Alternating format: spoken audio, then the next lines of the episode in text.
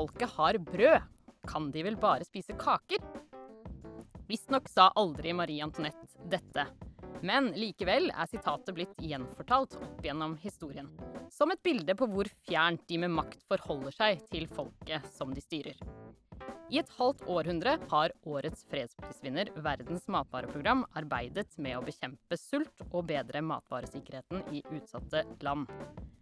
Men hva er det som gjør at noen land ikke kan fø sin egen befolkning? Hvordan ser verdens matpolitikk ut i dag? Og har vi kommet litt nærmere kjernen av problemet enn det Marie Antoinette gjorde?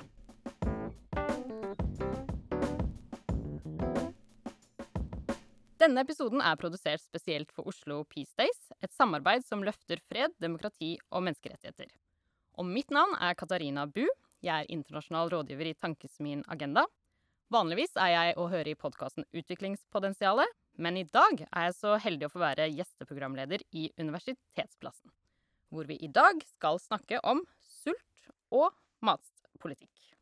Og til å dykke ned i dette har jeg med meg det jeg vil si er to av Norges fremste eksperter på sult og matsikkerhet. Dan Banik. Han er eh, professor i statsvitenskap og leder ved Oslo SDG Initiative ved Senter for utvikling og miljø her på Universitetet i Oslo. Og Lise Albrektsen, som er spesialrepresentant for klimatilpasning og matsikkerhet i Utenriksdepartementet. Velkommen til dere to. Tusen takk. Takk skal du ha. Dan, jeg tror vi begynner eh, hos deg. Kan du forklare hva sult er? Jeg kan prøve. Så vi kan, eh, det er veldig mange måter å svare på dette. Man kan si at sult er Jeg har stått opp tidlig i dag og har eh, spist en tidlig frokost, og jeg er ganske sulten, og jeg burde kanskje ha spist en tidlig lunsj, men det er en annen type sult enn den type sult vi skal snakke om her.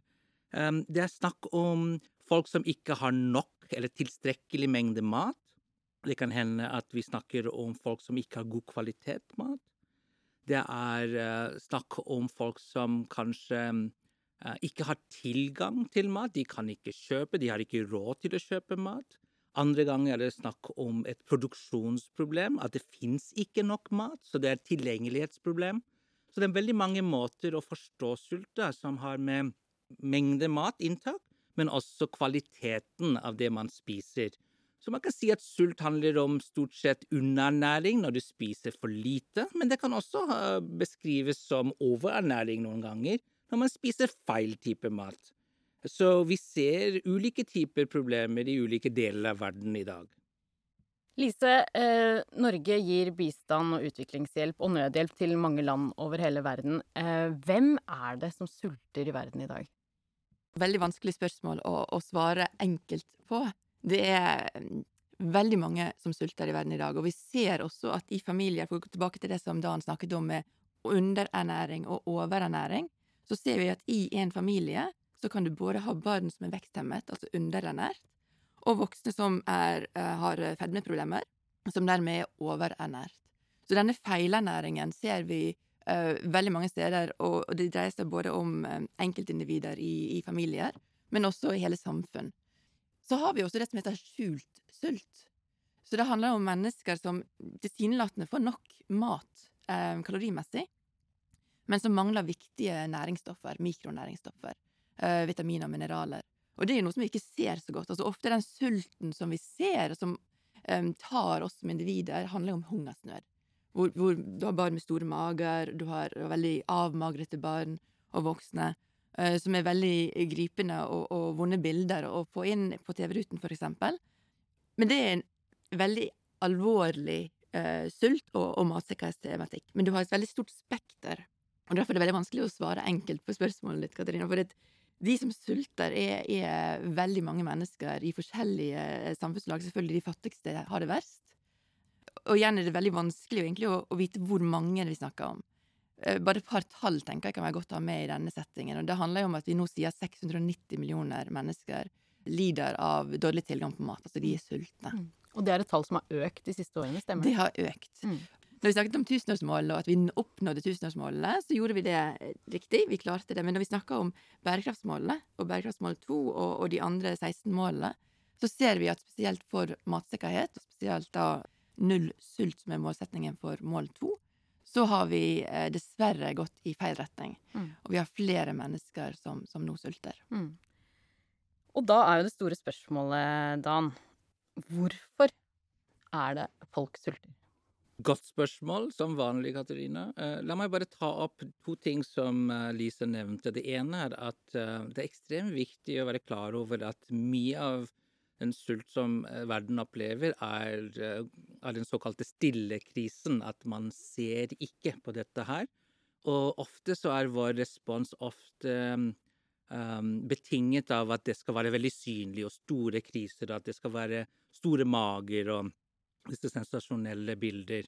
Så det er det ene. Det andre er at sult har faktisk på verdensnivå økt siden 2014 hvert eneste år i alle verdensområder, bortsett fra Europa og Nord-Amerika. Så er dette med hvorfor. Jo, det er jo mange årsaker til det. Det kan være noe som er uh, kanskje enkelt å forklare. Det er matproduksjon. Det er ikke nok mat. Og det er veldig mange mennesker i et område som ikke får tilgang til mat, eller at det ikke blir produsert nok, så sulter man. Og dette kan være forbundet med naturkatastrofer, det kan være flom, det kan være tørke, og i økende grad klimarelaterte årsaker som ødelegger matproduksjon. Andre ganger er det, som jeg var inne på helt i begynnelsen, dette med at folk ikke har råd til å kjøpe mat. Enten fordi de er blitt syke, de er arbeidsløse, de har ikke støtte fra staten, de har ikke en inntekt, de er nødt til å flytte. Så alt det der gjør at til tross for at mat blir solgt eh, i butikkene, så har man ikke råd til å kjøpe. Og, så er det en veldig viktig årsak, når vi ser særlig i Afrika sør for Sahara, men også i andre deler av verden, og det er konflikt. I økende grad så ser man i land som Jemen, vi ser i Sør-Sudan, i noen deler i Nigeria nå, i Burkina Faso. Mange steder så er det, er det en slags matusikkerhet da, som blir forverret av konfliktnivå. Og det er store mengder mennesker som flytter på seg, det er et flyktningsproblem. Så, så det er veldig, liksom, veldig mange årsaker til dette. Jeg vil også bare nevne en siste ting. Det er at det kan være også politiske årsaker til, til sult. Og det vil si at du har myndighetene som på en måte kanskje aktivt um, fremmer eller aktivt straffer en gruppe mennesker. At hvor mat blir brukt som våpen for å straffe folk, enten fordi de ikke stemmer for disse menneskene, de ikke støtter myndighetene, eller fordi de tilhører en annen gruppe. Så det er veldig mange årsaker til det, men, men det er disse politiske årsaker som også man burde fokusere på. Og, og, og sånne ting kan jo skje også i ikke-konfliktfylte områder. Det kan være i Sør-Asia, i India eksempel, som, som opplever veldig mye sult, men der det ikke er den type konflikt som jeg nevnte er tilfellet i Afrika sør for Sahara. Fordi eh, når du snakker om produksjon, om klimaendringer, så er jo også dette noe som kan eh, endres på av politiske ledere. Eh, sånn at er det kanskje lettere sagt enn gjort, men er det ikke politikerne og myndighetene nasjonalt og internasjonalt sitt ansvar og er det ikke de som har sviktet når folk sulter i verden? Så det er jo nettopp det jeg skrev en doktorgradsavhandling om for veldig mange år siden nå. Og min mentor, den nobelprisvinneren i økonomi, Amartya Sen, var jo den som skrev først virkelig og gjorde dette stort ved å si at ingen demokratier med ansvarlige politikere, med ansvarlige medier, tillater folk å dø av, av sult. Han, han, kvalifiserte dette ved å si at ingen demokratier opplever en hungersnødskatastrofe. Men vi ser, og dette er noe som til og med Amartya Sen er enig i, vi ser at det finnes veldig mange land som er demokratier, hvor det finnes faktisk folk som ikke nødvendigvis opplever en hungersnødskatastrofe, men dagligdags sult. Så absolutt, politikere har jo et stort ansvar for å gjennomføre tiltak, men det finnes også veldig mange andre aktører, som media, som opposisjonspartier, som vanlige borgere, som kan varsle myndighetene som kan legge press på myndighetene i, i forsamlingen som parlamentet osv., men også ellers ved å protestere og gjøre folk klar over at den responsen som staten kommer med, er kanskje ikke tilstrekkelig. Og 2020 er et meget spesielt år. Du nevnte, Dan, at sulten har økt eh, siden 2014, eh, og i år eh, har vi da sett en eh, pandemi som har rammet hele verden. Lise, eh, fra der du sitter i Utenriksdepartementet, eh, hvordan ser dere at koronakrisen eh, forverrer matsikkerheten i verden? Koronakrisen har jo, virkelig satt veldig mange systemer under press. Helsesystemet er satt under press.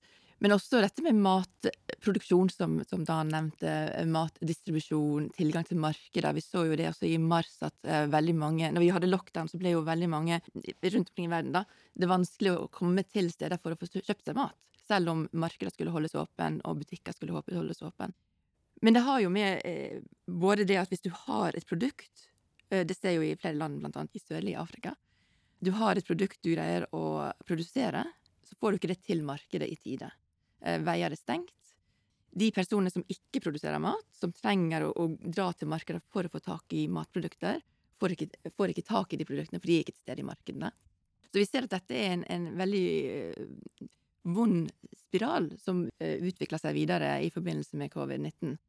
Og det er en bekymring som vi har. Så det er jo også noe som regjeringen har sagt veldig tydelig nå, at veldig mye penger blir omdirigert mot helse. Men de sier at det, vi, vi skal også fortsette å se på matsikkerhet, for det er såpass viktig. Hvis ikke vi eh, sikrer at mennesker får mat i dag, så har vi da økende eh, konfliktmuligheter som kommer, og økende utfordringer rundt uh, sult som utvikler seg. Mm. Og du nevnte bærekraftsmål nummer to, Dan, som da er å avskaffe sult innen 2030. Det er ti år til. Eh, samtidig som da dette øker dette problemet med sult eh, verden over. Hva er det som må til for at vi skal oppnå bærekraftsmål nummer to på ti år? Det er faktisk mye som må til. Jeg trodde kanskje at vi kunne ha kanskje oppnådd dette målet før koronatiden, selv om eh, det var økning i antall eh, folk som sultet. Men nå er jeg enda mer pessimistisk. Jeg er pessimistisk fordi bare i dag så kom FNs nødkoordinator for nødhjelp eh, med noen tall på hvor lite penger det fins i det internasjonale systemet. At man trenger bare 39 milliarder dollar for neste år. Og i år var det noe lignende, og de hadde bare fått i underkant av 17 milliarder. Så, så det er jo det første problemet internasjonalt. Det fins dessverre ikke nok penger. Eh, nok fokus på dette her. Jeg håper det blir mer av dette. Men dette er jo ikke noe nytt. I alle disse årene som jeg har forsket på sult, så har vi alltid opplevd at det er lettere for rike land å gi penger og gjøre dette til en prioritetssak når det er snakk om den absolutt siste fasen av problemet, vil si en stor hungersnødskatastrofe, vi snakker om flere titusener, hundretusener som dør, folk kommer til uh, hovedstaden og dør på gatene, det er sensasjonelt. Det må mye medieoppmerksomhet til. Men den dagligdags sult, som man ikke ser, som skjer uh, for eksempel i et fjerntliggende strøk i et land, får ikke den oppmerksomhet. Så, så det er det internasjonale ansvaret. Men det er også et ansvar på lokalt og nasjonalt nivå. Ofte så ser vi en tendens hvor ledere på en måte later som det ikke er et problem, fordi de kan bli kritisert. De opplever at hvis de innrømmer at det er et sulteproblem, så får de kritikk fra andre. Og dermed så er det litt sånn at la oss bare si at det er et annet problem. Så så det er på alle nivåer at vi må virkelig jobbe med dette. Og da er du jo innom eh, det som egentlig har vært den store nyheten i høst, nemlig at eh, Verdens mat matvareprogram eh, fikk eh, Nobels fredspris, som skal deles ut nå om kort tid.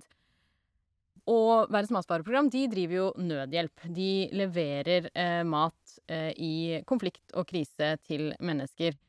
Er Verdens matvareprogram dermed løsningen?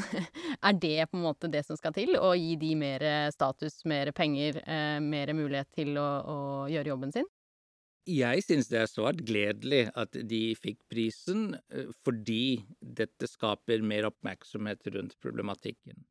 Og de gjør en fantastisk jobb. Jeg, jeg, har sett på statistikk i forhold til hvor mange land de jobber i, hvor mange millioner mennesker de, de, de hjelper. Og de også har tatt i gang innovative løsninger som for eksempel kontantoverføringer osv. Men så er det jo også flere som kritiserer Verdens matvareprogram, nettopp fordi deres holdning i lang tid har vært på en måte den nødbiten. At man kommer inn og, og deler ut mat. Og her, kritikken har vært at uh, man burde satse også på det langsiktige. Noe av dette har faktisk Verdens matvareprogram begynt å liksom ta til alvor, og de gjør en del ting. Men det er hele tiden dette med at vi må jo hjelpe folk som sulter, så det er jo ekstremt viktig. Men det er også viktig kanskje at ikke bare Verdens matvareprogram, men også andre aktører tar over denne rollen etter maten er blitt distribuert, og på en måte satser på å, å, å redusere denne sårbarheten som veldig mange har der. Så, så her er det det viktigste skillet, og noe som kanskje Lise kan også reflektere på. Dette med at folk er sårbare, og det er en liten ting som en prisøkning på matvarer kan, eller en tørke eller en, en stor katastrofe, naturkatastrofe, kan få folk til å vippe over til en ekstremt farlig situasjon. Så i hvilken grad Verdens matvareprogram, men også andre aktører, reduserer og jobber for å redusere den vanlige dagligdags sårbarheten, det kommer til å være avgjørende. Verdens eh, matvarefond er jo verdens største humanitære organisasjon. Og de har et dobbeltmandat. Så er, de driver med den nødhjelpen og med matassistanse. De har, som Dan sier, gått mye mer over til å gi kontanter, slik at um, familier kan bestemme seg for hva de ønsker å spise selv. De trenger ikke bare få en kasse med mat, og det er den maten de skal ha, men de kan faktisk gå ut og være aktiv i valget på hvilke, hvilken mat de ønsker å, å kjøpe og, og uh, dermed spise. Men de er også veldig viktige i utvikling. Mer og mer uh, i den langsiktige utviklingen. Blant annet har departementet, Utenriksdepartementet har flere prosjekter med, med eh, Verdens matvareprogram nå som, eh, som, ser nettopp på dette med sårbarhet. Blant annet jobber vi med de i, i Niger, hvor vi ser på um, uh, forecasting-based financing. Nå må jeg ha litt hjelp her, men uh, Fremtidsscenarioer eller noe sånt, eller? Ja. På altså, de ser på katastrofer som kan komme. Mm. Og når de vet at dette kan skje, så gir det en mekanisme som gir penger til mennesker som er en del av dette programmet, så de kan ta vare på sine ting før katastrofen skjer. Før katastrofen mm. skjer. Og da er de mye mer rustet når katastrofen faktisk kommer, og kan dermed redusere sin egen sårbarhet. Eh, det er et av de programmene vi har med VFP. Men det som er også interessant med VFP, er jo at de ga jo i 2019 nesten eh, matassistanse til nesten 100 millioner mennesker i 88 land. Eh, og det viser noe av dimensjonen til, til organisasjonen. Et annet aspekt som er veldig spennende med, med den, eh, den, organisasjonen, er jo at de er ansvarlige for logistikkdelen i humanitære katastrofer. Og det er et ansvar som de har fått av FN, så de er veldig rask. De responderer veldig raskt når det skjer en krise. Eh, de har et mandat for å gjøre det, og er ofte de første som kommer på bakken og støtter opp om andre FN-organisasjoner som da kommer inn for å faktisk bidra også. Mm. Eh, så denne kritikken som har vært, det har jo vært mye kritikk av eh, Verdens matvareprogram eh, over flere år. Både at de dumpet amerikanske matvarer, var det en stund en kritikk mot. Også som en tung og byråkratisk organisasjon. Korrupsjon har de blitt anklaget for. Seksuell trakassering. Og dette gjelder jo andre også FN-organisasjoner. Er det likevel en verdig vinner, mener du, eller er det grunn til å se nøyere på hvordan de jobber og hva de får til? De er absolutt en verdig vinner. Eh, de har eh, De når ut til veldig mange med helt essensiell nødhjelp. Og det som også er viktig, er jo at ved å bidra til matsikkerhet, så bidrar de også til å redusere konflikt. De bidrar til å oppnå fred og redusere sårbarhet, også som, som, som Dan nevner. Mange andre organisasjoner har også utfordringer rundt korrupsjon i de landene man jobber i seksuell trakassering osv. er ting som, som, vi tar opp, Norge tar opp. I, vi sitter i styret til VFP akkurat nå. Og dette er ting som tas opp og diskuteres med organisasjonen. Så vidt vi vet, så jobber de aktivt med å endre dette. Helt til slutt så vil jeg litt tilbake til dette med politikk og mer det langsiktige arbeidet som kreves. For det er jo liten tvil om at Verdens matvareprogram gjør en viktig og helt elementær jobb. Men det er også de strukturene og mer langsiktige arbeidet som du var innom, Dan, eh, som kanskje vil eh, til syvende og sist, forhåpentligvis, og forhåpentligvis innen 2030, gjøre at folk ikke sulter lenger. Og eh, Lise, du var litt innom dette med at det også øker med feilernæring. Eh, det øker med overvekt i veldig mange land. Også såkalt ikke-smittsomme sykdommer som hjerte og kar og diabetes øker også eh, blant fattige i utviklingsland. Og det har ført til at man snakker mer om de eksterne faktorene knyttet til mat og matsikkerhet, sånn som markedsføring, eh, handel, eh, politikken osv. Og, så og da har dette begrepet matsystemer kommet opp i debatten. Og jeg vet at Utenriksdepartementet har i samarbeid med andre departement lansert en handlingsplan for matsystemer. Hva er det den eh, vil gjøre, og hva er det viktigste Norge skal bidra med for å avskaffe sult og, og styrke verdens matvaresystemer? Matsystemer er et uh, veldig viktig begrep, for vi tar inn nemlig disse andre faktorene som har med um, Påvirker sult, påvirker tilgang til mat. Um, vi ser på klima, vi ser på miljø, vi ser på verdikjeder, næringslivet. Dette har helt klart en virkning på hva, hvilke valg folk tar, men også hvilke valg som er tilgjengelig for folk. Vi må huske på det veldig mange som ikke har et valg, som dermed spiser den maten de har, og dermed har utfordringer rundt sin egen matsikkerhet. Utenriksdepartementet har sammen med fire andre departement, det er Helse- og omsorgsdepartementet, eh, Landbruks- og matdepartementet, Nærings- og fiskeri og Klima og miljø, utgitt en handlingsplan for hvordan vi ønsker å jobbe for å sikre bærekraftige matsystemer. Det vi ønsker å gjøre, er å se på hva det vi kan bidra med på flere forskjellige punkter for å støtte matsikkerhet. Norge vil ikke kunne revolusjonere alt og gå inn og si at nå skal vi sikre at enkeltland i Afrika eksempel skal bli matsikre. Det, det er ikke vår jobb. Men vi kan jobbe aktivt opp mot enkeltland og samarbeide med de landene for å se på hva kan de gjøre for å sikre sin egen, matsikre sin egen befolkning. Jeg ønsker også bare å nevne at eh, nå har jo FN også et toppmøte eh, om matsystemer som finner sted i 2021, og Norge arbeider aktivt nå inn i den prosessen. Målsetningen fra FNs side er at dette skal være et folkets toppmøte, og det skal være et møte som leder til løsninger.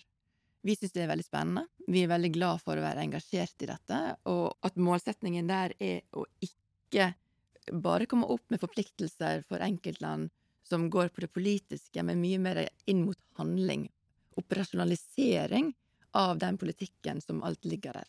Dan, jeg er jo en uh, gammel student av uh, deg, og jeg husker veldig godt en forelesning, uh, det begynner å bli ti år siden mer, 15 år siden kanskje, hvor du sa det er mye buzzwords i bistand- og utviklingsdebatten. Er dette matsystemer bare et nytt buzzword? Nei, faktisk ikke. Jeg må si at jeg var heldig nok til å bli invitert av Lise, siden hun sitter her. Jeg må takke henne for å på en måte bli invitert til å være med på å lansere denne planen. Og det som faktisk eh, imponerte meg, dette var i fjor, var det i juni, det som imponerte meg, var at vi hadde fire eller fem norske departementer som hadde samarbeidet, og det, det tror jeg er veldig sjelden. Fordi noe som er et buzzword, er samstemthet. Alle snakker om det, men det er veldig få som gjør det. Så det jeg likte med den rapporten, eller denne handlingsplanen, er at vi får til samstemthet på dette området ved å involvere så veldig mange aktører som mulig. Jeg er ikke sikker på hvor mye som har skjedd siden sist, eh, Lise, det kan du si. Og med samstemthet så mener du da ulike politikkområder i norsk politikk må dra i samme retning? Ja, ja. og så buzzword her eh, på engelsk er policy coherence, noe som OECD har vært eh, veldig opptatt av. Men alle snakker om det uten å faktisk operasjonalisere dette. Så dette med denne handlingsplanen som Lise jobbet med, syns jeg var et fantastisk eksempel på å operasjonalisere samstemthet. Men når det gjelder liksom um, videre, da, bare for å touche på noe som Lisa var også inne på, veien videre Jeg, jeg tenker at det, det fins noen sånne løsninger, da, som, og, og, noen gode nyheter. Det ene jeg kan løfte frem, er uh, dette med det er større oppmerksomhet, ikke bare i Norge, men også i India og Kina, i veldig mange steder, også i Afrika, hva man spiser, ikke sant? Dette med diett. Det er mye mer av en diskusjon nå på den, den første, den, eller andre elementen av matsikkerhetsdefinisjonen som vi er inne på, dette med kvaliteten av mat. Man skal kanskje spise mindre kjøtt, og visse, ikke spise visse typer kjøtt, og kanskje spise mer frukt. Alt det der. Men selvfølgelig gjelder mye av den diskusjonen det er mer relevant for middelklassen, de som har råd til dette. De fattigste av de fattige ofte har ikke mulighet til å, uh, til, til å spise fisk og, og kjøtt så ofte. Men uansett, jeg ser en bevegelse, ikke bare i Norge, det rike verden, men også andre steder, eh, hvor man snakker om å spise bedre type mat, samtidig som det er også et fokus på dette med å trene og ikke bare endre kosthold, men også ha litt mer fysisk aktivitet. Så det er det ene positive. Det andre jeg vil bare nevne i forbindelse med matvareprogram, Verdens matvareprogram, er dette, det som faktisk gjør meg litt optimistisk, da, Katarina, og det handler om å å bruke eller anvende moderne teknologi, digitale løsninger, om det er mobiltelefoni eller andre måter å nå frem til de som virkelig trenger matassistanse, som ikke var mulig før. Og nå snakker jeg om eh, virkelig fiendtliggende strøk osv., hvor det ikke fysisk er mulig. Så dette er faktisk en støtte for Verdens matvareprogram, som sliter med å ofte nå frem og det til visse områder, og særlig i de områdene hvor det er mye konflikt. Jo høyere intense konflikter det er, jo vanskeligere å nå frem til disse menneskene. Så hvis man kan bruke ulike typer moderne teknologi til å nå frem med matassistanse og andre typer assistanse, som kontante overføringer, det synes jeg er veldig oppmuntrende. Mm. Og en siste ting vi ikke har snakket om, er jo næringslivets uh, rolle. Uh, ser du på de som en enabler, eller altså noen som kan bidra i denne kampen mot sult og matusikkerhet? eller eh, gjør de ting Jeg har personlig ikke sett så veldig mye på næringslivet i min egen forskning, og jeg tror det er litt delte meninger der. Det er jo en del kritikk mot visse typer selskaper som selger visse typer produkter som er absolutt ikke nødvendig. eh, eh, Som blir mer fasjonabelt, en del av kulturen, ikke sant. Mange sier at eh, store land i Asia har på en måte fått et fedmeproblem av fast food og markedsføring og en feil forståelse av hva vestlig eller amerikansk kultur er. Så det er litt av den diskusjonen. Men, men absolutt, jeg ser i forhold til den generelle diskusjonen om bærekraftsmål og bærekraft, så ser jeg økende bevisstgjøring blant næringslivsledere.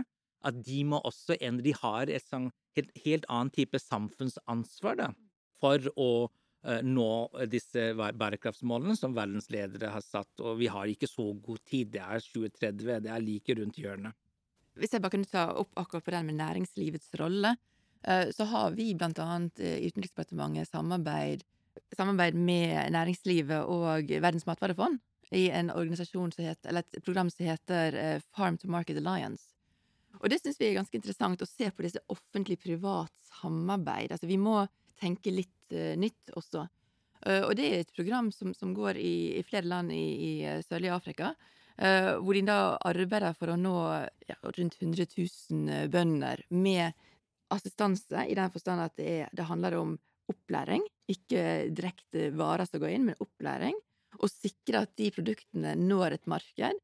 Og samtidig sikre at produktene blir kjøpt i markedet, for bøndene må jo også ha penger for det de gjør.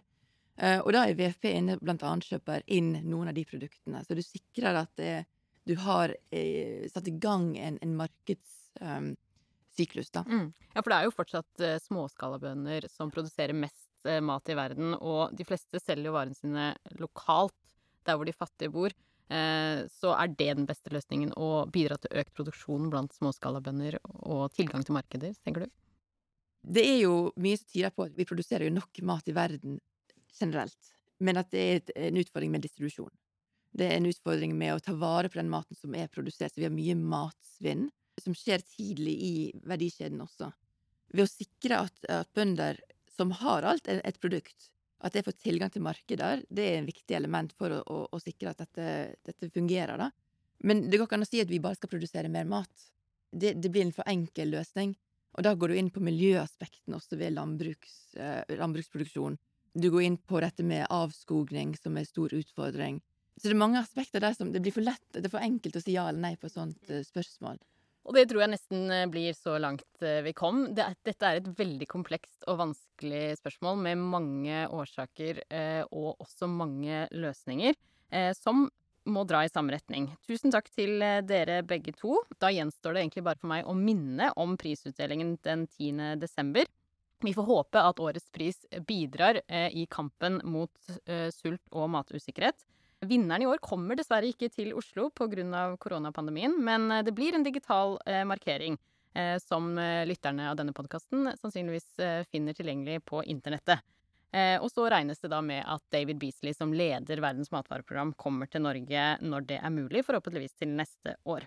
Og så håper jeg at du som har hørt på podkasten har blitt eh, litt klokere. Det kan vel være at dagens Marie Antonetter, politiske ledere uten vilje til å ivareta sin befolknings matsikkerhet, kanskje også burde høre på denne episoden.